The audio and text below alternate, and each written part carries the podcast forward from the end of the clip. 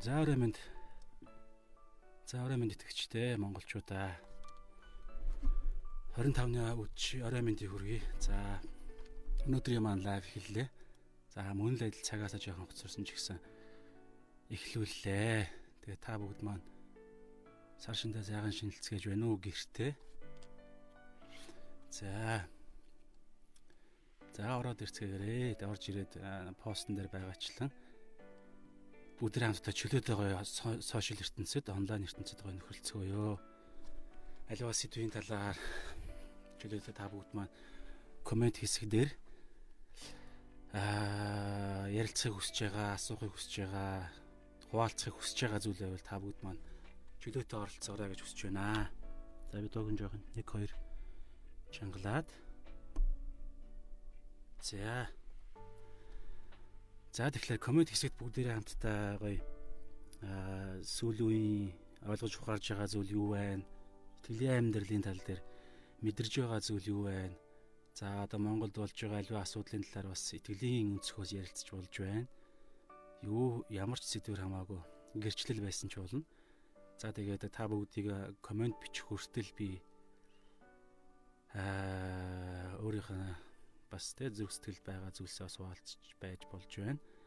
За би юугаа гаргаахыг комент хэсгээ. За Бат Эрдэнэ маань COVID-19 коронавирусын талаар таны бодол гэж байна. За сайн уу багий. За коронавирусын талаар аа бас та бүгд маань ч гэсэн юугаа бичээрэй. За миний хувьд болохоор урднаас хуваалцж ирсэн. Ерөнхийдөө за яг хуу итгэлийн итгэлийн амьдралын талаас бас дуусвал байна гинэ. За. За дуу нь ямар байна? Ер нь байгаа чанган л юм байна да. За дуу дуу нь ямар шуухан байг хэлээрэ. За коронавирус гэдэг энэ зүйлийг бол а юуны талаар салсан баг байхаа баг байханаас нэг бүхтэй тэмээрүү халдварлаа. Тэгээ тэндээс хүн талцсан гинэ. Би шууд сальсан баг байханаас гэж ойлгосон. Гэтэл бас урд нь саарс болохоор бас сальсан баг байханаас муур руу халдаад энэ удаагийнх болохоор сальсан баг байханаас тэмээрөө тэгээ тэмээнээс хүн халдварлсан гэсэн тийм мэдээлэл би бас сонссон. За ямар ч аргаар хамаагүй халдварлсан бай. Итгэлийн өнцгөөс би юу шарж байгаа гэхээр энэ юусэл хүний нийгэм те амьдралын хэм маяг улам ингээд нөгөө нэг юу гэдэм байгалийнхаа одоо хев маягаасаа жаягаасаа гажаад ирэхээрээ ч юм уу янз бүрийн юм амталж идэх үзэж харах те явах тэр янз бүрийн тэр энтертайнмент ч юм уу янз бүрийн амт шимтгийг хүсэх тэр нэг юм эрэл хайгуулаас бас үүдэлтэй юм болоо гэж харж байгаа. За тэгээд сүнслэг байдлаас бол эцсийн цаг үеуд те сүүлчийн өдрүүдэд янз бүрийн өвчин дахал дайндажин элдв янзын а гай гамшиг, байгалийн гамшигуд бий болно гэсэн тийм тэмдгийн талаар бол эзэн шинэ гэрнийхээ номуудад хэлсэн байдаг. Тэр утгаараа ч гэсэн ер нь бол иймэрхүү төрлийн өвчнүүд миний бодлоор бол цаг явах тусам янз бүрийн төрлөөрөө гарч ирэх байх гэсэн тийм итгэлийн өнцгөөс тийм таамаг байгаа. За эрүүл мэндийн талаас бол би сайн мэдэхгүй ч гэсэн одоо сая бас нэг мэдээлэл сонссон чинь халдварлах тэр нөгөө нэг а их сурвалж нь хүнээс хүнд байсан бол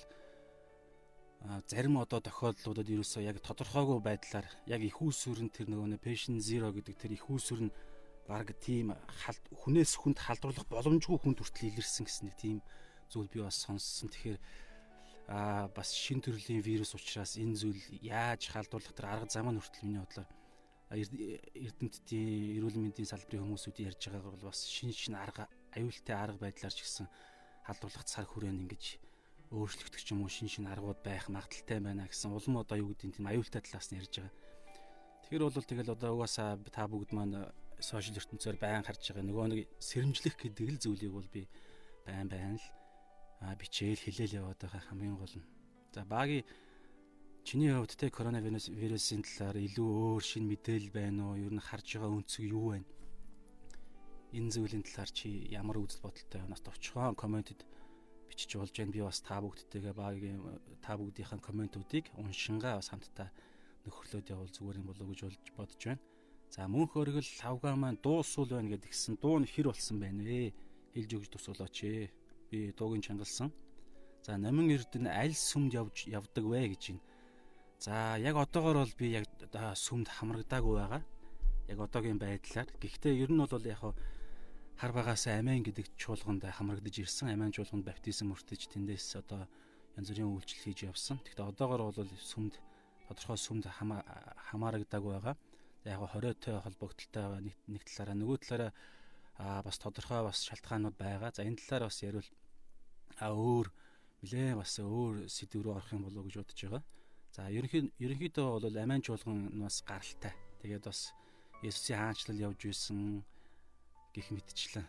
Ер нь бол би хувьдаа юу гэж боддог вэ гэхээр за та бүгдийг комент бичтэлтэй шин асуулт ч юм уу ер нь ярилцахыг хүсэж байгаа үзэл бодол бичих хүртэл санал дэвшүүлэх хүртэл би сүм чуулганы талаас төвчгөө өөрийнхөө үзэл бодлоо хуваалцъя гэж бодож байна. Аа тэгээ шууд коммент та нар бичиж яваарэ. За сүм чуулганы талаар миний үзэл бодол бол ерөнхийдөө Библийн үзэл бодолтой мэдээж нэг байдаг. За итгэгч хүн болгон бол хамгийн түрүүнд эхлээд яг өөрөө бол бурхны яг орших сүм гэдэг бол энэ хамгийн миний суур ойлголт. Тэр утгаараа юу хэлэх гээд байна вэ гэхээр а альва ямар нэгэн байдлын нөхцөл байдлаас ч юм уу эсвэл бол газар зүйн байршлаас янз бүрийн нөхцөл байдлаас хамаарч сүм чуулганд хамрагдаагүй байсан ч гэсэн итгэгч хүн ерөнхийдөө өөрөө өдөр бүрийнх нь амьдрал нь те өдөр бүрийнх нь тэр амьдралын а одоо юу гэдэг тэр амьдралын хэм маяг нь бол өөрөө сүм чуулганы амьдрал гэж би яг итгэдэг. А та бүгд ч гэсэн тэгж итгэдэг гэдэгт итгэлтэй байна. Тэр утгаараа Христ итгэлийг шашин гэдэг үү те. Христ итгэлийг амьдрал гэж ярьдаг. Христ итгэлийн амьдрал, Христ итгэл итгэл гэсэн байдлаар одоо амьдралаас салгахгүй амьдралын юус амьдрал бол тэр чигээр Христ итгэл гэсэн байдлаар бид нар өөрсдийн итгэл үнэмшлээ тэгж тодорхойлдог. Тэр утгаараа альва сүм чуулганд хамрагдсан хамрагдаагүй нэгдүгээр За сая дундуур нь тасалдсан уу те. За одоо явж байгаа болоо би яг өөрийнх нь утасныхын датагаар яваад байгаа байхгүй арай хурдан явдаг болохоор нь хэлээ дунд нь сая дунд нь тасалдсан тасалдах шиг боллоо. За би шалгаатах юм.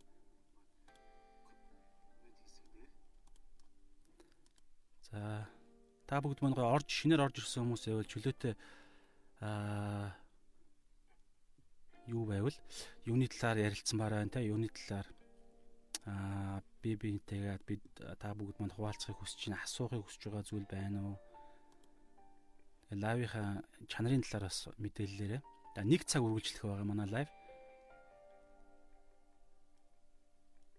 За тасалдаад одоо зүгээр болчихлоо гэж тэгж байна. За явж байгаа бол ашгүй дээ. За тийм байна. Тэгэхээр нэгдүгээр хоёрдугаар та итгэвч хүн болгон заавал библиэр шигсэн байгаа те альва хамтран цуглахыг умартдаг тэдгэр хүмүүстэй битгий та нар нийлээрэ гэсэн тэр сэрэмжлүүлгийг бас хэлсэн байдаг. Тэгэхээр итгэвч хүн болгон бол зайлшгүй чуулганд ям чуулганд Христийн биед чуулганд хамрагдах тийм аа одоо тийм амьдралын шаардлага байдаг, итгэлийн амьдралын шаардлага байдаг. Тэгээд чуулган том хаанчлалын өнцгөөс харахад ч гэсэн тийм зүйл байгаа. Тэгэхээр бид нар бол аль болох л чуулганд хамрагддаг байх хэрэгтэй. Хэрэгтэй. Гэхдээ чуулганд хамрагдаж байгаа зорилго нь бол шашинлаг байдлын те а заавал ёстой гэсэн эсвэл чуулганд хамрагдахгүй нэг 7 хоног болчихоор одоо юу гэдэг нэг гим хийсэн юм шиг те эсвэл нэг буруу зүйл хийсэн юм шиг тэр утгаараа нэг юм тэр нэг юм шашин энэ дундуур нь ингээд тасалдаад байна. За би юус яа да. Аа Wi-Fi-гаар авах гээд үзье да. За ямар ч үсэн орж ижил байх шиг байна. За сая тасалдчихлаа тий. За за орж ирсэн хүмүүс маань юусоо та бүгдтэйгээ хамтарч гоё энэ лайв хийхийг хүсэж байгаа шүү хийхийг. Тэгэхээр аа та ямар нэгэн зүйл санал дэвшүүлээч те. Таны хувьд итгэлийн амьдрал ямар шуухан байна. За сүүл үед болж байгаа зүйлсүүдийн талаар те бас итгэлийн амьдралд чуулганууд те бас 20-нд 20 улсаас гаргасан 20-нд бас хамрагдаад тэгээд та бүгд маань хуваараа гэрээрээ бас мөглөр гэж байгаа. Тэгэхээр а таны хувьд ерөнхийдөө ямар итгэлийн амьдрал чир нь ямар байна? За хуваалцахыг хүсэж байгаа зүйл байна уу? Гай хамтдаа ярилцаад явбал гоё байна. За түрүүн би тэг яриа явж байгаа. Та бүгдийг коммент бичих хүртэл гээд байгаа шүү би. Тэр хүртэл би ярилцж бай. Ерөнхийдөө бол энэ хоёр дахь өдрийн 7 хоног болгоны 19-с 20 цагийн хооронд явагдах эдгээр зүйл маань хамттайгаа ярилцах нөхөрлөх цаг байхыг хүсэж байгаа. Тэгэхээр ямар сэдвийн талаар та бүгд маань сонсохыг хүсэж байна. Бас өөрөө хуваалцахыг хүсэж байгаа зүйлээ бол гоё ярилцаад бичээд яваарай. За сүмж болгоны хувьд ерөнхийдөө тийм байгаа. За бид игээд анзарж байгаа бол тий өнгөрсөн ихний лайваас хойш гоё ардталтаа бас гоё жоон чимэг оруулсан байгаа шүү.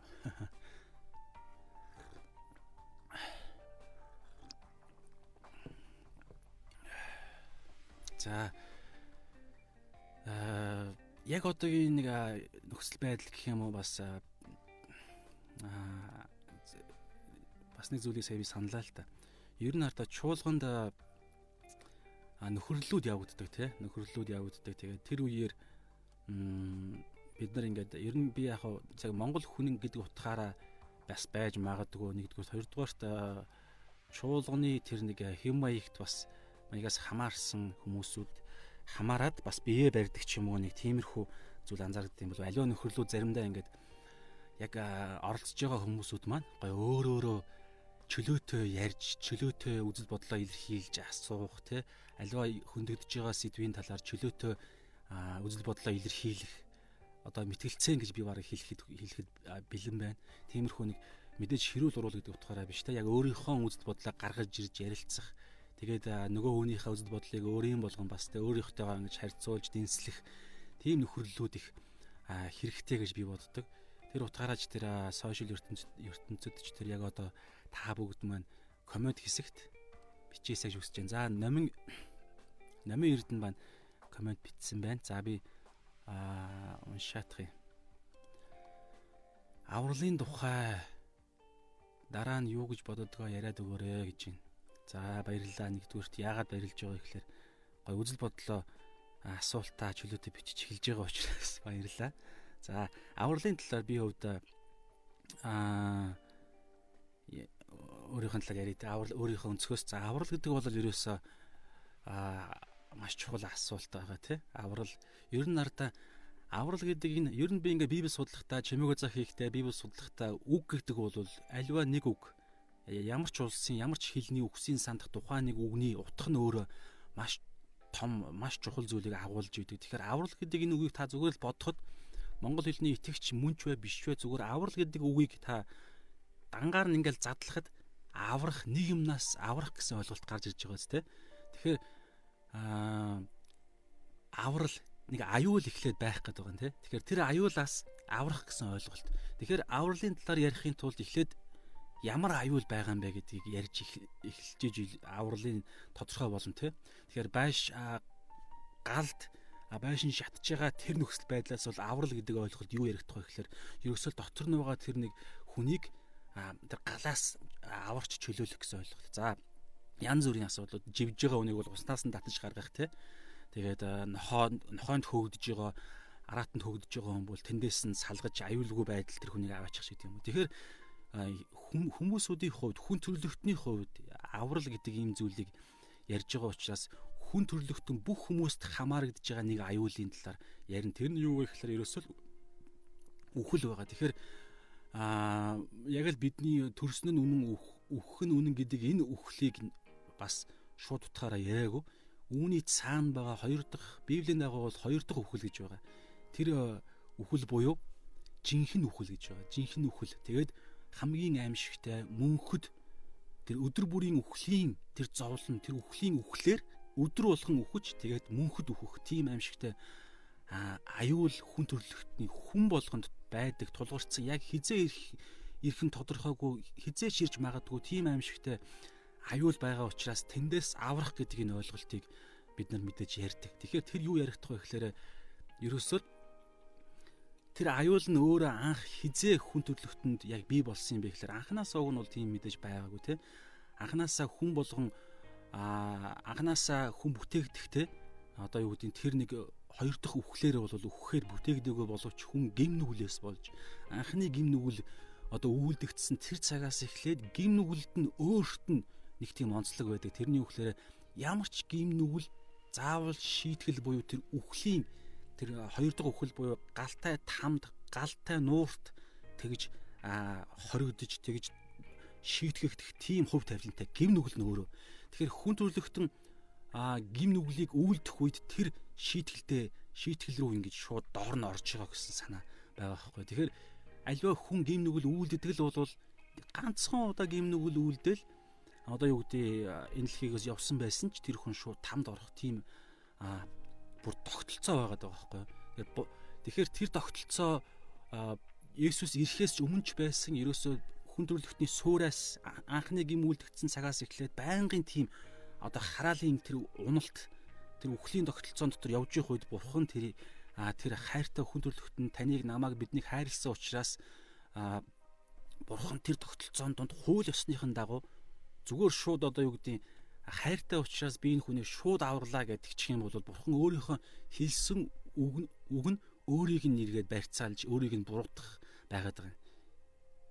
Бурхан өөрөө ариун учраас гим нүгэл болгон шийт шийтгэлд заавал орох ёстой гэдэг тэр өөрийнх нь тэр зарчмыг өөрөө зөрчихгүй тулд яасан бэ гэхээр өөрөө хүн болж ирж байгаа тийм дүр зураг байгаа. Өөрөө хүн болж ирээд тэгээд өөрөө тэр гимтээ тэр үхлийн доор харьяалагдж байгаа тэр нэгэн хуулийн этгээдийн биеэр ирж иж тэгээд тэндээсээ ямар ч гим нүгэл гим нүгэл энэ дэлхий дээр нэг ч гим нүгэл үйлдэхгүйгээр амьдарч байгаад тэгээд гимтэн мэд шийтгүүлнэ гэсэн ойлголт байгаа байхгүй. Тэгэхээр энэ бол ерөөсөө өөхөх ёсгүй нэгэн үхснээрээ энэ шууд ямар төлөвд өөрөө тэр хүн буюу Есүс шилжиж байгаа гэхээр дахлын дахил болчихж байгаа байхгүй. Хуучин гэрээнээс яг тэр дахлын тогтолцоо гэдэг энэ ойлголт байсан байгаа юм. За Тэгэхээр бол ерөнхийдөө аврал гэдэг энэ зүйлийг ярихын тулд заашгүй гим нүглийн шийтгэл гэдэг энэ зүйл зүйл та итгэж л байх юм бол аврал гэдэг юм яригдана. Хэрвээ та тэнийг итгэхгүй бол хичнээн танд хичнээн надад ч юм уу тухайн хүнд бид нар сайн мэдээ авралын мөнхийн амьдралын талаар ярьлаа гэх тэр хүн итгэхгүй. Яагаад тэгэхээр шийтгэл аюулд байгаагаа мэдэхгүй хүн тэр хүнийг аврыг ихээр би аврал надад хэрэггүй би аюул байхгүй байна. Би аюул аюулда би өртөөгүй байгаа гэж хэлнэ шүү. Тэгэхээр а гим нүглийн талаарх ойлголт тэгээд аюулд байгаа эсхийг нь тэр хүнд тодорхой ойлгуулж ийж дараагаар нь аюулаас нь аврах гэдэг энэ сайн мэдээний зүйлс яригддаг. За номын эрдэнэ маань цааш нь бичиж байна те. Чуулгануудад авралын тухай ойлголт нь адилхан ч гэсэн заадаг сургаалууд нь заримдаа зөрөөд байдаг. Тэгсэн ч гэсэн бүгд Деважин явах уу гэж байна. За аа Деважин за Деважин гэж Тэнгэр улсыг ярьж байгаа мэдээж те. За одоо эндээс хардаа дараагийн авралын сэдвийн талаарх дараагийн төвшин гарч иж л тэрний өгөхээр мөнхөн улсад Тэнгэрийн улсад за намын эрд маань Деважин гэж бичиж байна те. Тэгэхээр тийшээ хэн явах вэ гэдэг ойлголт. А нэг үгээр хэлэх юм бол хэн аврагдах вэ гэдэг ойлголт. Тэгэхээр одоо номын эрдний маань хэлсэнчлэн те чуулгануудад авралын тухай ойлголт за сургаал авралын тухай ойлголт нь а адилхан ч гэсэн заадаг сургаалууд нь заримдаа ондоо гэдэг юм. Тэгэхээр энэ ямар ойлголт юм бол за ямар ч байсан гэсэн миний ойлгож байгаагаар бол ямар хүн аврагдах вэ гэдэг энэ талаар хэрэг өөр өөр сургаалууд өөр өөр сургаал зааж байгаа бол за нэг ер нь бол ардаа Библиэл дээр байгаа. Библиэл дээр аврагдах ганц л арга зам байгаа. Тэр нь юу вэ гэхээр Есүс Христтэй нэгдэх гэсэн ойлголт шүү. За итгэх гэж би шууд одоо юу гэдэг юм нэлээд тийм а том зургаар нь хэлэхээс илүүгээр би яг нэгдэх гээд илүү жоохон наривчлаад өөрсөдтэйгээ хамааруулад хэлчихье. Тэгэхээр Есүс Христтэй нэгдсэн хүн за итгэлээр нэгдэнэ л дээ. Тэгэхээр нэгдсэн хүн л аврагдах боломжтой. Зөвхөн Есүс Христтэй тэгж итгэснээр бид нар өвөл Есүс Христтэй адилхан амьдрснаар биш шүү. Есүс Христийн яг хэлсэн үг болгоныг нь зайлшгүй дагаж биелүүлснээрээ ч бас биш. Түүний хийсэн бидний төлөө хийж гисэн өнгөрсөн цаг дээр хийж гисэн тэр зүйлд нь итгэснээрээ бид нар ингэж нэгдэх тийм нэгэн процесс байгаа. Тэгэхээр энийг хүртэл маш тодорхой энэ бол зүгээр нэг юм шашинлаг ойлголт биш маш тодорхой цаана болдог юм тодорхой процесс байгаад байгаа юм үйл явц. Тэрийг нь хүртэл та маш сайн ойлгох хэрэгтэй. Тэгэхээр ийм л ганц арга замаар л аврагдана боломжтой. Гэтэл чуулганууд гэдэг нь за би зөв урсгал, буруу урсгал янз янзын зүйлсүүд бас байдаг те. Тэгэхээр Намын эрдэм маань ямар чуулгануудыг бас хамааруулж ярьж байгаагаас хамаарна. Гэтэ зөв урсгалын буюу одоо юу гэдэг яг Библийг дээд ирэх мэдлээ гэж итгэдэг тэдгээр хүмүүсүүдийн талаас аа ярьж байгаа дотор ярьж байгаа чуулгануудын хувьд миний бодлоор айхтар зүрхгүй. За арай өөр талаас нь тайлбарлаж өөр хэлбрээр ярьж магадгүй. Хэрв ярьж байгаа зүйлс нь яг ингээд зөрж явах юм бол тухайн чуулган а тухайн чуулган өөрөө бол юу буруу урсгалын чуулган байх магадaltaй гэж би хэлэх гээд байна л да. Тэгэхээр аврагдах нэг л арга зам байгаа. Тэр нь Есүс Христийн хийсэн тэр хуулийн дагуу хийсэн тэр нэг ойлголт Есүс Христийн хийсэн тэр зүйлд нь итгээд тэгээд Есүс Христийг амьдралынхаа эзэн болгож аа тэгээд Есүс Христийн хийсэн тэр зүйл намайг бүрэн аварсан. Би өөрийнхөө үйлсээрээ аврагдах ямар ч боломжгүй байсан гэдэг тэр үнэнгэл ерөнхийдөө чуулганууд ярьдаг. Гэхдээ ийм зүйл байгаа да Яаков номон дээр бас те бид нар мэднэ үйлс нь итгэлгүй бол үхмэлээ гэдэг энэ ойлголт. Тэгэхээр Библийн 20 шинэ гэрээний 27 ном те Тэгээ 27 ном 27 номны номон дээр байгаа тэр Яаков, за Ром, Галат болон нөгөө талдаа Яаков номууд байна. За Еврей ном орохгүй байх. Тэгэхээр эдгээр ингээд хоорон дээр зөрчилдөд байгаа юм шиг нэг тийм ойлголтууд байдаг гэтэл үгүй байгаа. Аливаа нэг үннийг аль талаас нь харж ярьж байна гэдгийг нь а гэдгээс болж ингэж өөр өнцгөр яригдж байгаа нэг тийм ойлголтууд байгаа шүү. Тэгэхээр чуулганууд бол яг зөв урсгалын Библийг яг тэрүүн дээд ирэх мэдлээ гэж итгэдэг Библийг зөв э, тайлахыг хүсэмжилдэг тийм чуулганууд бол авралын талаар ойлголт нь айхтар зүрхгүй гэж би бодож байна. Гэхдээ аврал бол хүний амьдралд нэг л удаа болж байгаа шүү дээ. Аюу нэг л удаа болж байгаа. Тэгээд аврагдсан хүн өөрөө яаж амьдрах талаар асар олон эзний заавар зөвлөгөөнүүд байдаг. Тэгэхээр тэдгээр зүйлсүүдийг ярих үед номлогдох үед хүмүүс яадаг вэ гэхээр сонсохдоо эргээд нөгөө нэг авралынхаа аль эзэнэ төгс болчихсон тэр зүйлийг хөндөж гаргаж ирэнгүүтлээ нөгөө нэг тухайн а өөр зорилгоор номлогдож байгаа ямиг авралтайгаа холбож ингэж ярих гэдэг. Одоо жишээ нь зүгээр нэг пастор номлогч те за Бат Эрдэнэ төр хүлээж байгаа Бегас энийг яриад байгаа. Тэгээд би уншия комеди чинь. За нэг пастор те за одоо юу гэдэг юм өргөлийн талаар номлож илаа гэж бодъё л доо.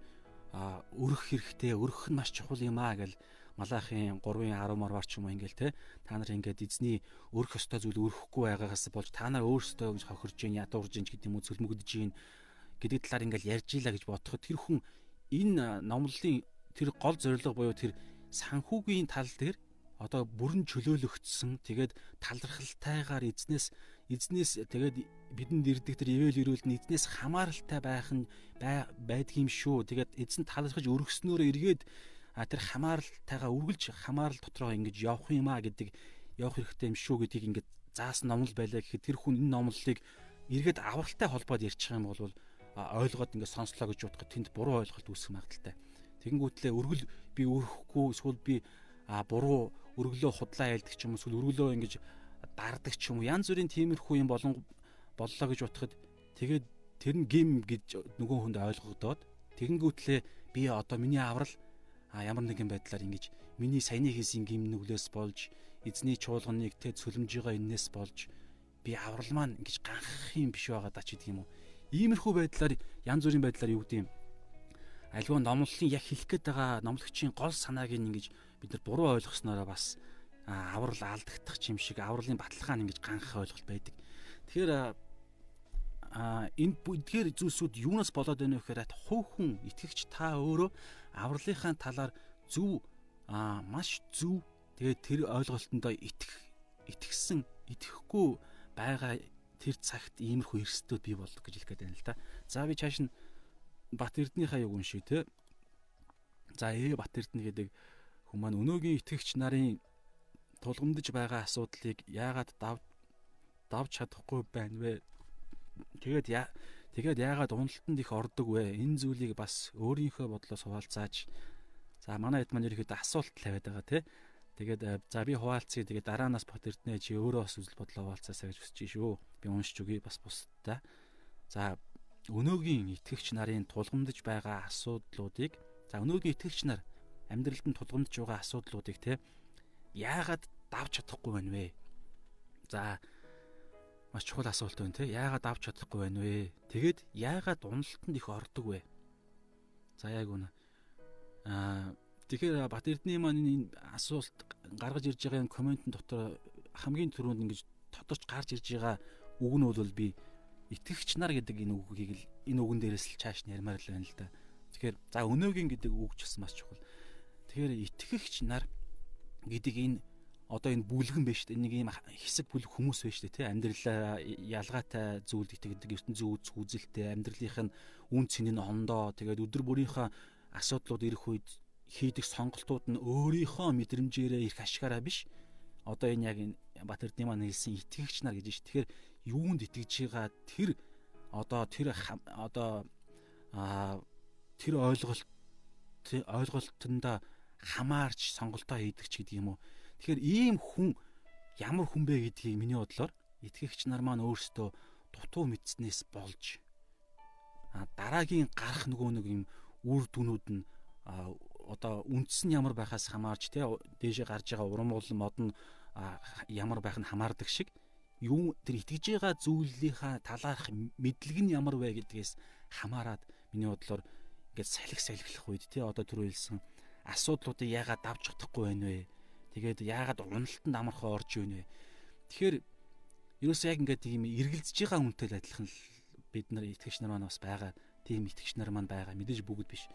Гэхдээ масс юм болов гэсэн мэдрэмж байдаг. Тэгэхээр бид нар одоо библиэр юм байгаа шүү дээ. Антсан дээр гараа тавьчаад тий тэгээ эргэж хардаг хүн болвол Тэнгэрийн хаанчлаа тэнцэхгүй гэдэг Есүсийн хэлсэн үг байгаа. Тэгэхээр бид нар ингээд нэг амьдралыг сонгоцсон, нэг зүйлд итгэн би хоёр хаанчлал байгаа шүү дээ. Тэнгэрийн хаанч а Бурхны хаанчлал, сатааны хаанчлал гэж хэлж хэлчихье те. Тэгэхээр за яг сатааны хаанчлал гэж даа бас хэлж болно. Тэгэхээр энэ хоёр одоо ийм хаанчлал, хоёр ийм тал дайн тулаанаар ярих юм бол энэ хоёр талынх нь би аль талд нь байхаа би яг итгэх үедээ тэр үннийг сайн мэдгийг сонсох үедээ би өөрөө сонголтыг хийгээд бурхны талд орцсон байгаа байхгүй юу? Энэ бол тэгээ бурхны талд ороод орно гэдэг чинь тэр бурхны хаанчлалд орохоор тэр бурхны хаанчлалын хууль нь ямар юм? Бурхны хаанчлалд орсон хүмүүсүүдийнх нь амьдрал нь ямар юм? Юуг би амьдралынхаа зорилгоо болгож, юуг би эрх ашигаа болгож явах юм? Хүний бие дэдэг те махан бие сүнс сүнс сэтгэл гэсэн энэ гурван зүйлийнх нь хин нь яг эзэн байх юм. Хинийх нь одоо махан биеийн хүсэл эрх ашиг, сүнсний хүсэл эрх ашиг гэж байгаа. Тэгэхээр энэ хоёр эрх ашиг чинь ерөнхийдөө ерөөсөө шууд махан биеийн хүсэл эрх ашиг бол ерөөсөө сатааны аа хаанчлалд маш их юу гэдгийг хэрэглэгдэх боломжтой тийм нэг юм тал байгаад байгаа юм. Дангаараа хэрвээ энэ махан биеийн хүсэл эрх ашигыг илүү сүнснийхаа хүсэл эрх ашигаас тэргүүнд нь тавьчих юм бол тэгэхээр энийгээ хүртэл мэдээд өдөр болгоныхаа амьдралаа тэ өөрийгөө хянж дотроо байгаа ариун сүнстэйгээ а хамтарж амьдрахыг хүсэх гэх мэтчлэн эдгээр энэ суур ойлголтуудаа тэр хүн өөрөө нэгдүгээрт мэдэх юм уу? Тэгээд мэдсэн ч гэсэн тэр мэдж байгаа зүйлээ би өөрийн болгоод яг миний одоо ингэдэж штэ бид нар альва ингээл хүсэл мөрөөдлөө ярьдаг ч юм уу эсвэл альва ингээл зүйлсийн талаар ярилцах үед бидний дотор итгэж үнэмшдэг зүйлээс бид нар хамаарч бидний юу ярьж байгааг нь ингэж ургаж гарч ирдэг те. Тэгэхээр таны яг зүрхэнд чинь сүнсэнд чинь та яг юунд итгэж итгэгч болсон юунд итгэж байгаа юм? Тэр итгэж байгаа зүйлийн талаар та хэр мэдээлэлтэй? Одоо үнэн гэсэн үг л дээ ертөнцийн яг туйлын үнэн үннүүд тэр үннүүдийн талаар та хэр их зүйл мэдэх вэ? Тэрнээс чи хамаарж а ерөнхийдөө энэ асуудлуудыг давж чадахгүй байна. Тэгээд уналтанд ороод байна гэсэн үг. Ерөөсөл тулаанд орох үед та гартаа байгаа сэлмээрээ ямар үед нь хамгаалахын ямар үед нь одоо юу гэдгийг эсэхийн ямар үед нь шууд дүрхийн гих мэтчлэн янз бүрийн чадваруудыг та суралцаагүй байх юм бол та яалтчгүй тулаанд орох үед уналтанд ороод байгаа юм. Тэгээд асуудлуудыг давж гарч чадахгүй бууж өгöd байгаа юм. Гэхдээ хичнээн бууж өгсөн ч гэсэн эзний аврал бол ерөөсөө ярихдаггүй гэж би дахин дахин хэлхийг хүсэж байна. За чиний хувьд Бат Эрдэнэ те энэ тал дээр өөр өөр үзэл бодолтой байдгүй нэмэх зүйл юу вэ те бас товчхон бичиж болно шүү. За номын эрдний маань юуг бүгдээ хамтдаа уншия. За би та бүгдээ уншиж сонирхолъё. За Илч Паул Үйлс номон дээр гардагчлан маш олон газар очиж сайн мэдээ тараадаг. Есүс ч гэсэн Библиэлд ертөнцийн төгсгөл хүртэл сайн мэдээ түгээ гэж бичигдсэн байдаг. Тэгвэл өнөө үед сайн мэдээг яаж тараадаг вэ? Тараах хэрэгтэй гэж боддог вэ. За Паул Есүс Христ хоёрыг номын эрдэнэ маань хэлж байна те. Паул маань юусоо янз бүрийн арга замаар юусэн үхэн хөхтлээ төрөл бүрийн улсад очиж тий одоо харь үндэстэн тэр сайн мэдээ түгөх хамгийн тэр суурийг эхлэлийг тавьсан хүмүүс маань байгаа. Есүс Христийн дуудлагаар Есүс Христ өөрөө бас те энэ дэлхий дээр өргөдөө ингээд загалмай дээр нас сураад оршуулгадаад 3 хоногийн дараа дахин амьлаад тэгээ өргөдөх үедээ бас хэлсэн юм нь ертөнцийн төгсгөл хүртэл та нар дагалдагчдыг бэлдгээ эцэг хүү ариун сүнсийн нэрээр баптизм хүртээ дагалдагчдыг бэлдэх гэсэн байгаа. Тэгэхээр энэ үгэн дотор нь юу сайн мэдээ өөрөө орсон гэж бид нар угаасаа ойлгодог те. Тэгэхээр сайн мэдээ тараа гэж хэлхээсээ илүүгээр илүү юу чухал Есүс чухалчилсан бэ гэхээр дагалдагч бэлтгэх гэдэг нь ойлголтыг чухал чухалчилсан байдаг шүү. Тэгэхээр энийг бас бид нар үргэлж сайн мэдээ тараахтаа бодож явах хэрэгтэй. Хэрвээ энийг бас тодорхой ойлгоо ойлгоогүйгээс болж бид нар яах вэ гэхээр сайн мэдээний тэр агуулгыг бид нар тэр шинэ хүнд нэг хүнд бид нар шууд яриад тэгээд а итгэх үү үгүй гэдэг нь угаасаа биднийх биш шүү дээ. Эзэн өөрөө тэрийг шийднэ. Тэгээд тэр хүнийг ингээд бид нар яадаг тийм а баяртай за цуглаандаа ирэх ирнэ гэж найдаж байна гэдэг утас муцыг авч болж байна. Тэгээд хамгийн миний энэ хүртэл ерөнхийдөө итгэгч нар маань миний бодлоор а ерөнхийдөө хийч чадна гэж би бодож бодож байгаа. Яагаад вэ гэхээр энэ бол тэр гоё зүйлсүүдийг ингэж а товчхон ярихад бол жоохон бэлтгэж бэлдэж байгаа л ярьчихад бол асуудалгүй. Тэгээд тэр тусмаа монголчууд маань ингэж анх сонсч явахдаа нэлээд тийм одоо юу гэдэг амар түрэмгий сонсдог итгэгч нар хүмүүс ер нь ховор те гарч ирсэн ч гэсэн ингээд бас асуусан асуулт нь хүртэл аа бас ингэж арай зөөлөн байдсан болов уу гэж бодож байгаа. Тэгэхээр тэр яг миний хэлэх гэдэг гол санаа нь тэр хүмүүсүүдийг ингэж сайн мэдээ тараагаад цуглаанд авчирч болж байна. Хамгийн гол зүйл нь Иесусийн яриад байгаа дээрс агуу захирамж чинь цуглаанд авчирсны дараа хийгдэх зүйлийг л яриад байгаа байхгүй. Эцэг хүү ариун сүнсний нэрээр энэ дэлхийн хязгаар хүртэл та нар явж а миний юу заасныг юу үйлдэх гэсэн тэднэрт заа гэж. Ингээд байнгын заах талаар амьдралынх нь хэм маяг дагалдуулах талаар тэгээ баптизм хүртэнэ гэдэг чинь тэр хүн өөрөө заасан зүйлд итгээд за би энэ гайхалтай хаанчлалд нэгдъя. Би энэ амьдралыг сонгоё гэдээ өөрөө итгэгч нарын өмнө өөрийгөө зарлан тунхаглаад тэгээд баптизм хүртэх ойлголт. Тэгэхээр та нэг зүйлийг заана.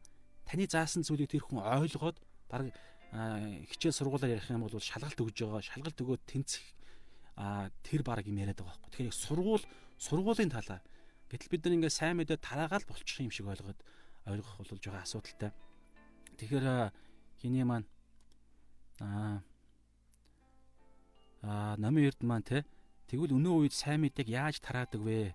За энэ талаар бас миний хувьд юу гэж боддог вэ гэхээр сайн мэдээ тараах түрүүн дагалдуулах гэхээс илүүгээр дагалдахын өмнөх тэр сайн мэдээ тараахыг ерөнхийдөө ярьж байна те. Тэгэхээр сайн мэдээ тараах гэсэн энэ ойлголт тулстай байж болох та ямар шинэ арга бодож чинь байж болох янз бүрийн арга замаар сайн мэдээ тараахад бэлэн байх хэрэгтэй гэж би итгэдэг л дээ.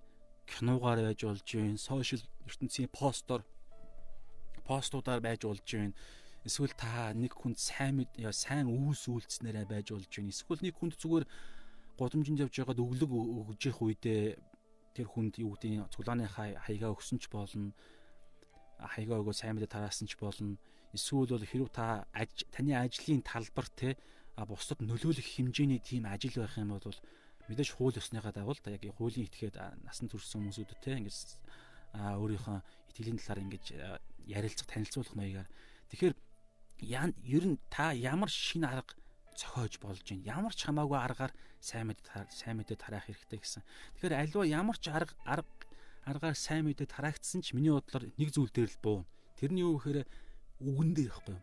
Үгэн дээр сайн мэдээний тэр сайн мэдээ буюу тэр цаар нь авралын тэр үйл явдал тэр процесс түрүүн би бас ярьсан те авралыг ярих ярихад өмнө нь заашгүй тэр юунаас аврах гээд байгаа юм ямар аюул бий болоод байгаа юм тэр аюул байгаа учраас л өнөөдөр би танд аврал гэдэг энэ зүйл ярихаас аргагүй байна гэдэг бурхны хайр байгаа учраас те тэгэхээр эдгээр зүйлсүүдийг бид нэр өөрөө маш сайн ойлгоод тэгээд тэр талаараа яг ингээд ямар нэгэн хэлбэрээр арга замаар ярьсан ч гэсэн эцэстээ яг гол юмаа бид нэр яг үгээрээ л зайлшгүй ярьж таарад байгаа. Тэгэхээр гол зүйл нь заавал байна. Тэгээд тэр гол зүйл рүү хүрэх арга зам нь бол ямар ч байж болно шүү гэж би хувьдаа бол бодож юм. Тэгэхээр өөр өөр гоё гоё санаанууд байж болно. За бат тэдний комент байна те.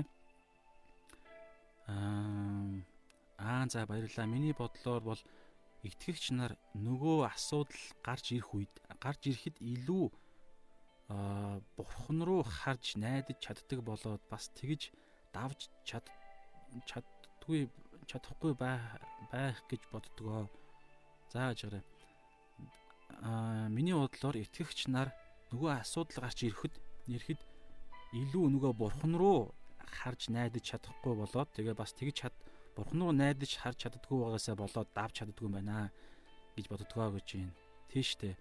Яг үнэ асуудал гарч ирэх үед бид нар асуудал дээр одоо Батэрдний ярьж бичснээр бол асуудал гарч ирэх үед асуудлыг харснараа бид нар унаад байна гэсэн санаа хэлэхэд байх шүү нэ.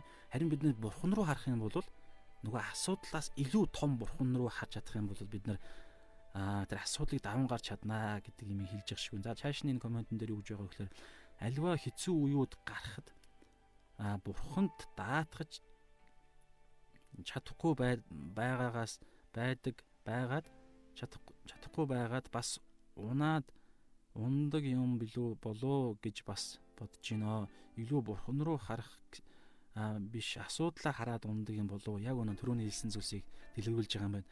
Яг өнөө өнөө ер нь аливаа асуудал гарч ирэх үед тухайн асуудал дээрээ л фокус тавиал тэр асуудлыг л эцсийн цэг юм шиг эцсийн том тэр одоо хан юм шиг харах юм бол бид нар шууд ингээд сүрдээд байгаа юм л да. Ягаад тэгэхээр аливаа асуудлууд үргэлжил биднээс том байдаг үннийг хэлэхэд бол Харин бурхан ямар ч төрлийн асуудлаас том байдаг учраас тэгээ тэр асуудлуудыг ингэж яаж а дээрээс илүү өөр хэмжээсээс харж байгаа учраас тэр асуудлыг даван гарах а мэрэгэн ухаан нь хүч нь бурханд байдаг учраас түн дээр төвлөрөх хэрэгтэй юм болоо гэж хэлж байна. За санал нэг байна яг үнэ. Гоё юм те. Тэгэхээр эдгээр мэдлгүүдээ бид нар яг амьдрал дээр л а нэг нэг тохиолдлууд дээр л бид нар ингэж мэдэрч хэрэгжүүлж үр шимийг хүртээд ирэх юм бол ингээд дараагийн түвшинд гараад байгаа гэсэн ойлголт бас байдаг те. За тэгээд би бас нэг юм нэг юм боддог юм аа. Нөгөө Петр Йохан Паулын үеүүдэд Бурхны гэрчлэл Бурхны гэрчлэх үед хавчлаг маш ихтэй байсан. Харин одоо үед бид нар тэр итгэлийн баатруудаас илүү амар нөхцөлд сайн мэдээ тараах боломж илүү байдаг. Гэхдээ бид нар энийг хаяа харж чадахгүй умартаж умартдаг юм болов гэж бас боддгоо. Энэ тал дээр ч бас хуваалцаач ээ гэж байна. Яг үнэн те. Библиэл дээрх Библийн итгэлийн баатрууд маань ерөнхийдөө дамаа шин анхны чуулганы үед үедх сайн мэдээ тараах тэр процесс, дагалдуулах процесс явагдах үед тухайн нөхцөл байдал нь өөрөө дандаа тийм хавчлагын асар тийм яг бодиттой бүр өхөл хагцал ерөөсөө яг бодиттой тэр аимшигтай зовлон дунд за одоо нэг талаараа өмнөд өмнө байгаа хятадын газар дорох чуулган гэж ярьдаг те. Тэгэхээр тэдний маань нөхцөл байдалтай бас их хамааралтай бас африкуудад маань заримдаа итгэлээсээ болж өгч байгаа хүмүүс их байна. Тэгэхээр яг ийм бодиттой аюул тунд байдаг байсан байгаа. Харин бид нар болохоор илүү амар тайван ардчилсан энэ чөлөөт нөхцөл байдалд байгаа мөртлөө бас аа сайн мэдээ тараахта энэ байдалдаа ингэж одоо юу гэдэг юу ямар гой нөхцөл байгаагаа умартаад умартаад тэгээ сайн мэдээ бас тараахта асуудал сайн тарааж чаддгүй юм болов гэсэн тий. Тиймэрхүү зүйл бичих шиг боллоо. Тий. Тэгэхээр би энэ тал дээр бас нэг зүйл бодож явдаг. Дараагийн комент хүртэл би бас хуваалцъя гэж бодлоо. За бид нар сатаныг мэднэ те урд нь тэнгэрэлч бурхны тэргүүн тэнгэр гурван тэнгэрэлчийн нэг байсан Люцифер Тэгээд гим нүглийг бий болгоод Бурханаас тэрслээд тэгээд унах үедээ сатан болсон тий мэхлэгч. Тэгэхээр сатан ерөөсөө бүр анханасаа дэлхийн суур буюу хүн төрлөختний үүслээс л ерөөсөө үүслээс ч өмнө байсан. Тэгэхээр гим нүглийг хамгийн хүн төрлөختөнд хамгийн анхны гим нүгэл үүлдэхэд юусоо гол хөтлсөн бас сатан өөрөө штэ. Тэгэхээр тэр цагаас эхлээд өнөөдөр 2020 оны 2 сарын 25 хүртэл өнөөдөр байсаар байгаа. Тэр ертөнцийн бүх түүх хүн төрлөختний бүх тэр үе үеийн генерашнуудын тэр ялгаануудыг бүх онцлогийг мэддэг асар их мэдээллийн сантай. Тэгээ биднийг төрөхөд ч сатан байсан, биднийг сургуульд ороход ч гэсэн бид нар ингээд юу гэдэг ямар нэгэн гим нүгэл үүгэлдэх болгон сатан үргэлж хажууд нь байж оролт.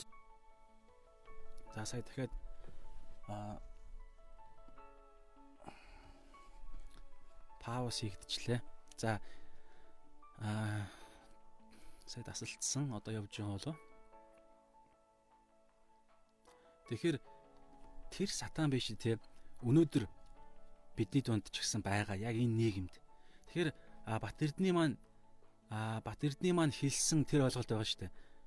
нийгэм маань сайн мэдээ тараахад юусоо нээлттэй байна. Гэтэл анхны чуулганы үед хаалттай байхад хаалттай байхад хавчлагтай байхад тэднийг ингэж одоо сая гарсан Паул Есүсийн Христийн илч Паулуудын канон дээр байсан те тэгж амьдараа тийм галан бамбар болгож Неро хаан итгэгч нарыг тэгж шатааж байсан. Тэгээд баруудад өгж исэн зугаат тэр стадион дотор ингэж баруудын эсрэг итгэгчнийг гаргаж иж тавиа тэгээд яаж идэж байгааг нь алж байгааг нь ингэж стадион даяараа харж инээлдэж явдаг. Тим нийгэм донд итгэгч нар маань сайн мэдээ тарааж ирсэн. Харин өнөө үед болохоор нээлттэй байхад яагаад итгэгч нар сайн мэдээ тараахгүй байна гэсэн нэг тийм зүйл харж байгаа. Тэгэхээр энэ энэ нь хардаа би түрүү яагаад сатаны ингэж ярьсан бэ гэхээр сатан өөрөө маш тийм арга ухаантай, залтай, маш залтай. Тийм учраас яг энэ өнөөгийн нийгэмд байгаа, дэлхийд байгаа энэ нийгмийн бий болгосон энэ ардчил те одоо энэ чөлөөт энэ байдал те хүссэн зүйлээ хийдэг, хүссэн юмдаа итгэж болдог, хүссэн одоо амьдралын хэм маягаар амьдарч болдог энэ нийгэм чинь хүртэл өөрөө сатааны оролцоотой бас нийгэм гэж биелэх гээд байгаа байхгүй. Тэгэхээр тэр нийгмийн хүртэл өөрөө нэг талаараа бас маш аюултай. Нэг талаараа хууль сайн мэдээ тараахад нээлттэй юм шиг боловч нэг талаараа маш аюултай байгаа. Ягаад гэхээр итгэгч нарыг маш тийм итгэхгүй байдалд аваачдаг.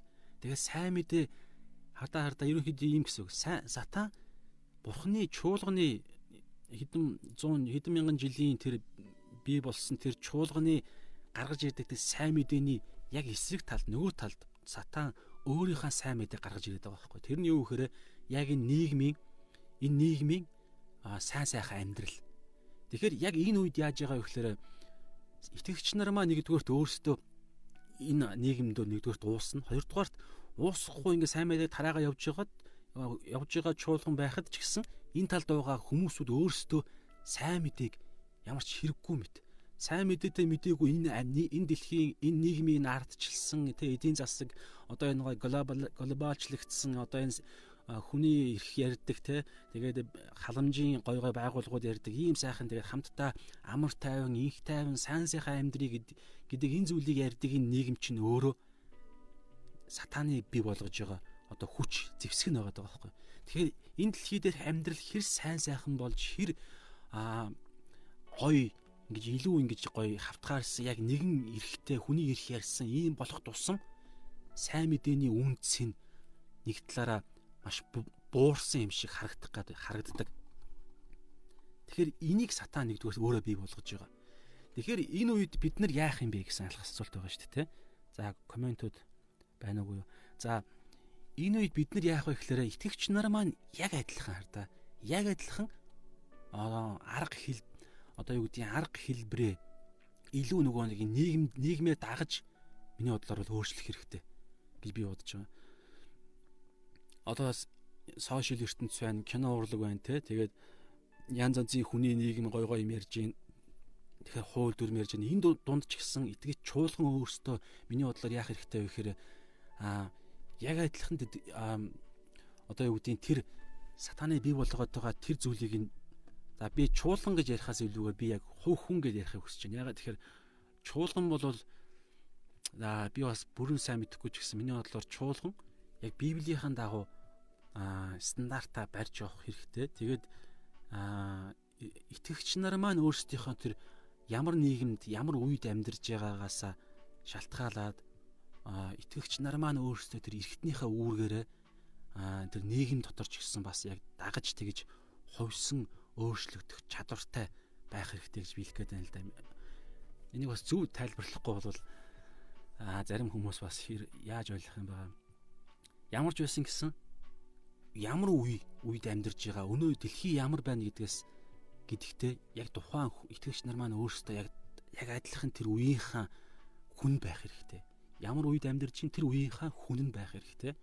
Тэгээд тэр үе дотроо хэрхэн итгэлийн амьдрал яаж амьдрах аяг бий болж гин. Тэрийг хүртэл тэр тухайн үедээ амьдарж байгаа хүн өөрөө харуулна гэсэн үг шүү дээ. Тэгэхээр шашинлагл биш байх хэрэгтэй гэдгийг би хэлэх гээд байна л да. Шашинлаг биш. Зүгээр энэ дэлхий яаж өөрчлөгдөж байна? Яг тэр өөрчлөлттэй адилхан л одоо хувь итгэгч хүн дагаад л явна угаасаа. Хүс үсэйг. Ягаад тэгэхээр энэ нийгэм чи өөрөө тийм. Тэгээ дагаж явахдаа итгэвч хүн өөрөө яаж тусгаар явж болохоор байна. Тэрийг харж, тэрийг өөрөө яг итгэвч хүн ариун сүнснийхаа мэрэгүү ухаанаараа могоо шиг та нар мэрэгүү ухаантай залтай байгаа тагтаа шиг гимгүүэ гэсэн яг энэ санаагаар могоо шиг залтай буюу яг мэрэгүү ухаантай гэдэг еврей үгэн дээр бол мэрэгүү ухаан гэдэг үг нэр нь байгаад байгаа юм. Могоо шиг мэрэгүү ухаантай. Тэгээд тагтаа шиг гимгүү гэдэг нь ойлгогдож ерөөсөө үе ямар ч үе гарч ирсэн нийгэм яаж өөрчлөгдсөн яг тэр могоо шиг мэрэгүү ухаантай тэр нийгэм дотроо тасан зогтж явж байхдаа ямар ч гим нүгэл үлдэхгүй байхыг ирмэлцдэг. Тийм л итгэгч нарны бид нар байхыг байх хэрэгтэй байна. За шинэ орж ирж байгаа хүмүүс байгаа бол таагууд маань чөлөөтэй ярилцахыг хүсэж байгаа зүйл байвал аа бичээрэй асуухыг хүсэж байгаа зүйл, хуваалцахыг хүсэж байгаа зүйл. Энэхүү подкаст маань 7 хоног болгоны мэгмар гарагт а 19 цагаас 20 цагийн хооронд чөлөөтэй ингэж ярилцах байдлаар явагдах юм байгаа юм. Тэгэхээр би айхтар ингэж бусад одоо юу гэдэг юм группүүдэд, пэйжүүдэд би шеэрлэхгүй яг ингээл а миний бодол шалаа миний бодол хуудсан дээрээ 7 хоногийн мэгмар гарагийн 19 цагт ингээд эхэлж болно. Тэгэхээр та бүгд манай өөрсдөө санаж ягаад орж ирж байгаарэ. Тэгэхээр би зөвхөн ингээл яриад байх гэхээс илүүгээр та бас үжил бодлоо ярилцаад явдаг тийм гоё цаг байхыг хүсэж байгаа шүү. За намын эрдэнэ маань итгэлийн амьдралын голч болгодог ишлэл тань юу вэ гэж байна. За баярлалаа. Итгэвтэй байгаа эрдэнэ баярлалаа. Ганцаараа маань үлдээхгүй байлгаж байгаа 6 хүмүүс байна. Гоё шүү. За итгэлийн амьдралын голч болгодог ишлэл гэхээр а ер нь үе амьдралын үе үе үйлдэл болгоноос яг шалтгаалж байгаа те. Тэгэхээр Аа надад яг нэг хоёр ишлэл байна л да. Хуучин гэрээнээс нэг шинэ гэрээнээс нэг. Хуучин гэрээнээс болохоор Иремья 29-ийн 11 10 11 байх байхаа. Иремья 29-ийн 10 11 дээр нөгөө та нарт тохиолдож байгаа төлөвлөгөө болвол те гай гамшигын би те гай гамшигын биш харин сайн сайхны төлөөх төлөвлөгөөнүүд юм шүү. Та нарт та нарын төлөө байгаа тэр төлөвлөгөө ирээдүйд ч нөөрэ сайн сайхных сайн сайхны төлөөх тэр төлөвлөгөө юм шүү гэдгийг бурхан Израиль үндэстэнд хэлсэн байдаг. Тэгэхээр яг тэр үгийг бас надад олон жилийн өмнө яг өгөгдөж байсан. Тэгэхээр миний амьдрал маш хэцүү байх үед эзэн надад өгөгдөөд тэгээд ирээдүйд болох тэр зүйлсүүд чинь сайн сайхан зүйл чамайг хүлээж байгаа шүү гэдгийг ерөнхийдөө эзэн амлаж байсан. За шинэ гэрээнээс болохоор Матай 6-гийн 33 байх би байнга л ярьдаг. Тэгэхээр энэ болохоор яг үе үед байнга энэ сонголт энэ тулаан дунд энэ надад энэ сонголт ирдэг учраас үргэлж миний зүрхэнд байдаг. Тэгээ бурхны хайрладаг аа юу штэ Ром 8:28 байна те бас адилхан бурхны хайрладаг түүний зорилгын дагуу дуудагдсан хүмүүсүүд тохиолддог бүх зүйлс түүний сайн сайхны төлөө хамтдаа ажилладаг юм шүү бас Иремья 29:11-тэй адилхан ийм санаатай ишлэл. Тэгээд Матай 6-ын 33 болохоор юуны төрөнд бурхны хаанчлал болон зөвхт байдлыг хай тэгвэл бусад зүйлсүүдийг та нарт нэмж өгөх болно гэсэн энэ ишлэл байгаа. Тэгэхээр юуны төрөнд гэдэг энэ үгэн дотор ерөөсөө маш чухал ойлголт байдаг те. Миний хувьд энэ энэ гурван ишлэл юм байна л да. Өөр ишлүүд ч гэсэн бас байж болно. Бас нөгөө Петерт хэлдэг ч те. А та нар 70 дахин 7 удаа уучлаа гэдэг энэ санаа бол ерөөсөө бурхны тэр агуу нэгүслийн химжээшгүй баялагийг ингэж Петрт Есүс хэлснээрээ ойлгуулсан тийм ишлэл байгаа бас тий. Тэгэхээр Матай 6-ын 33 дээр болохоор өнөөдөр таны амьдралд яг түрүүн Бат Эрдэнэ маань ч гэсэн хэлсэн тий уналт асуудлууд байнга ирж байна. Бас намын эрдэнэ ч гэсэн өөр хэлсэн тий сайн мэдээ тараахын асуудлууд бас байна. Тараахгүй байгаа асуудлууд байна. Тэгэхээр эдгээр асуудал янз бүрийн асуудал байж болно таны амьдралд. Өвчин зовлон одоо энэ коронавирус ч юм уу.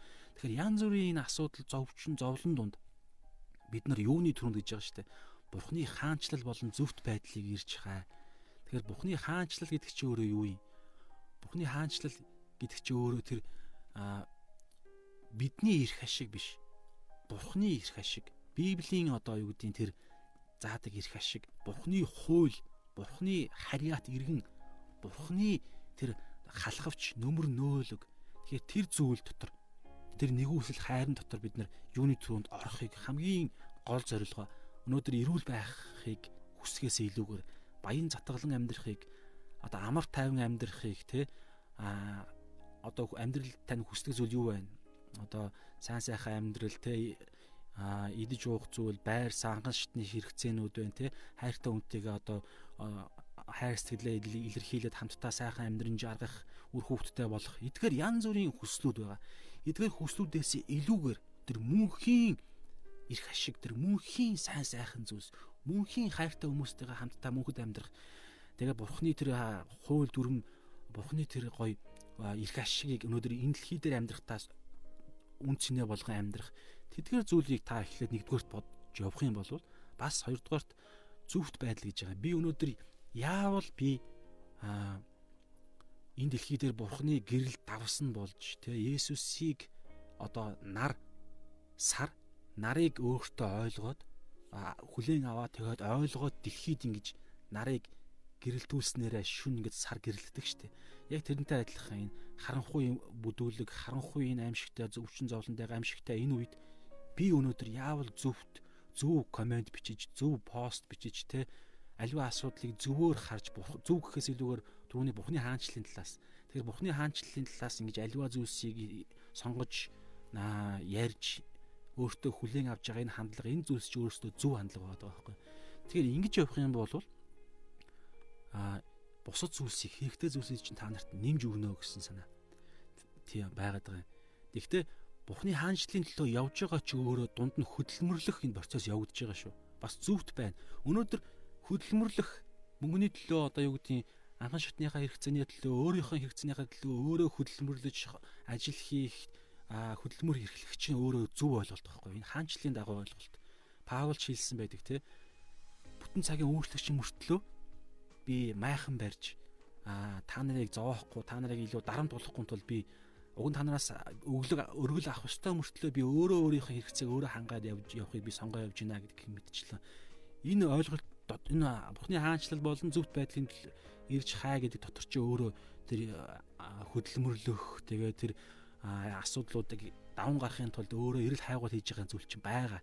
Харин дээр нь нэмээд Матай 6-гийн 33 дээр хэлж байгаа та нарт нэмж та нарт өгнө гэдэг энэ ойлголт чинь та нарын зориод өөрийнхөө тэр Паул жишээнтэй майхныхаа майхан хийж өөрийнхөө анхан шатны хэрэгцээг хангахгүй явж байгаа тэр процессын дунд чинь нэмж өгнөө буюу та нар өөр бид нар өөрсдийнхөө хэрэгцээний төлөө ингэж хөдөлмөрлж их үед дээр нь нэмээд эзэн бидний тэр харсан зүйлээс давуулаад эзэн ивэл өрөөл тэр харсан зүйлийг чинь давуулж тухайн тэр зорилгыг чинь эзэн ингэж бүр нэмж өгнө. Бидний төсөөлөжгүй зүйлийг хүртэл та нарт нэмж өгнө гэж байгаа. Тэрнээс биш зарим хүмүүс Матай 6:33-ыг бас буруу ойлгодог тийм одоо чуулгандаа үйлчлээл тэгээд сайн мэдээгээ тараагаад гэдэг юм уу ингээд нэг юм шашинлаг юм хийгээд явж хаад эзэн хоолуудыг нь хоолыг бэлдэн байрыг нь ирээдүйд байрыг ингээд бэлдэж байгаа ч гэдэг юм нэг тийм ойлголтыг а шууд бас хэлэхгүй байгаа.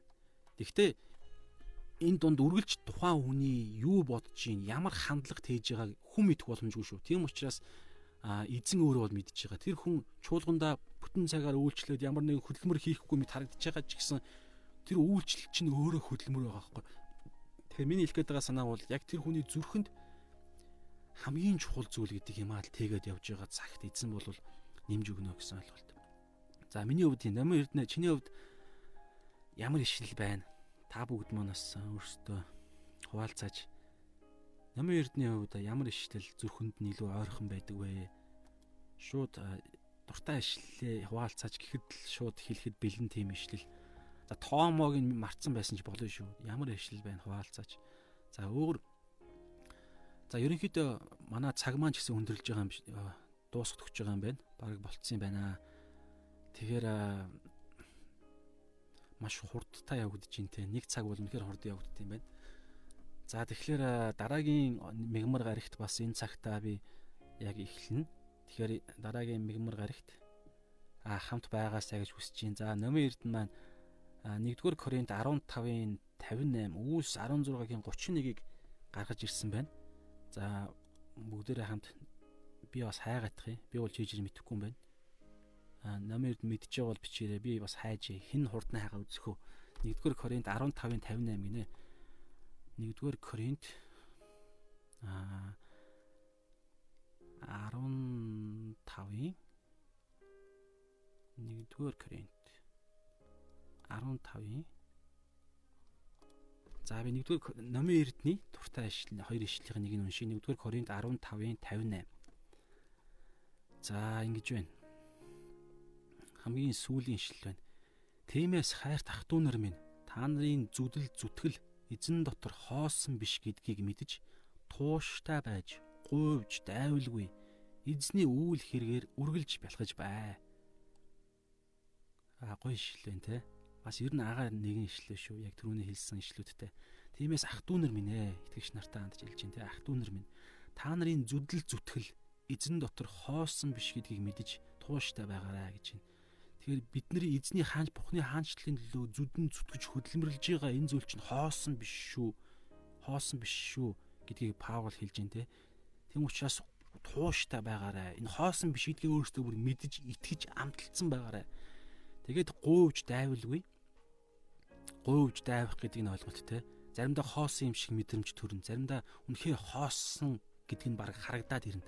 Тийм хүртэл уууд ирнэ. Тэр үед ч гэсэн гуйвж дайвахгүй. Энэ бол хоосон биш гэдэгтээ итгэж тэгээ эзний үүл хэрэгээр үргэлж бэлхэж байгаарай. Эзний төлөө гэсэн тэр хөдөлмөрлөх тэр үйлчлэх тэр шиннийг санаачлах тэр үйл хэрэгээр үргэлж бэлхэн байгаарай. Үргэлж завгүй байгаарай. Хаанчлалын төлөө үргэлж шинийг санаж сэтгэж хийж яваарай. Тэг гэж юм те. За хоёрдугаарт нь үйлс 16-гийн 31-ийг гаргаад гэсэн мөрөө. Тэгээд баг өнөөдрийн под юу маань лайв маань өндөрлөх юм шиг байна. Үүс аа үүс 16-гийн 31 16-гийн 31 Тэд эзэн Есүс итгэх түн чи болон гэрийн чинь аврагданаа гэсэн эзний гайхалтай амлалтыг намын эрдэн маань дуртай ашиглаа болгожээ. За эзэн Есүс намын эрдэнэ бид бүгд итгэх түн яг итгэж амьдраарай. Тэгхийн бол чи өөрөө тэгээ гэрийнхэн чинь аврагданаа гэсэн энэ гайхалтай амлалт иш үзүүлгийг эзэн дагалдагч нараараа дамжуулан энэ дэлхийн ертөнцид тунхагласан тунхаглал байна. За тэгэхээр бас өдөр хамтдаа өнөөдрийнхөө юг өндөрлөе, лайва өндөрлөе. Хамт байсан та бүгдтэй баярлалаа. Тэгэхээр 7 хоног болгоны мигмар гарагийн 19-оос 20 цагийн хооронд явагдаж байна. Тэгэхээр болж өгвөл бүгд та бүгд маань санаж байгаа. Тэгээд оролцож байгаарай. Энэ чөлөөтэй нөхөрлөх цаг шүү. За дараагийн лайваар дахин уулзтлаа баяртай. Тэгээ үлс 16-гийн 31-ийн ишлэлийг бас та бүгдтэйгээ дахин хэлээд эзэн Есүс итгэх түн а чи болон гэрийн чинь аврагданаа гэсэн энэ гайхалтай амлалтыг эзэн та бүгдэд хэлсэн учраас бид нар эзэнийг цагт гэр бүлэрээ гайхалтай энэ гайхалтай а мөнхийн хөв тавилан дотроо хамтдаа жарган амьдрахын гайхалтай өдрийг хүртэл өдөр болгон эзний төлөөх тэр үйлсээрээ түрүүн 1-р Коринт 15-ын 58 58 дээр байсанчлан завгүй хаанчлалын төлөө ирч хүчтэй амьдрцгаая. Зааш болоо дахин уулзтлаа. Дараагийн дугаараа дахин уулзтлаа түр баяртай.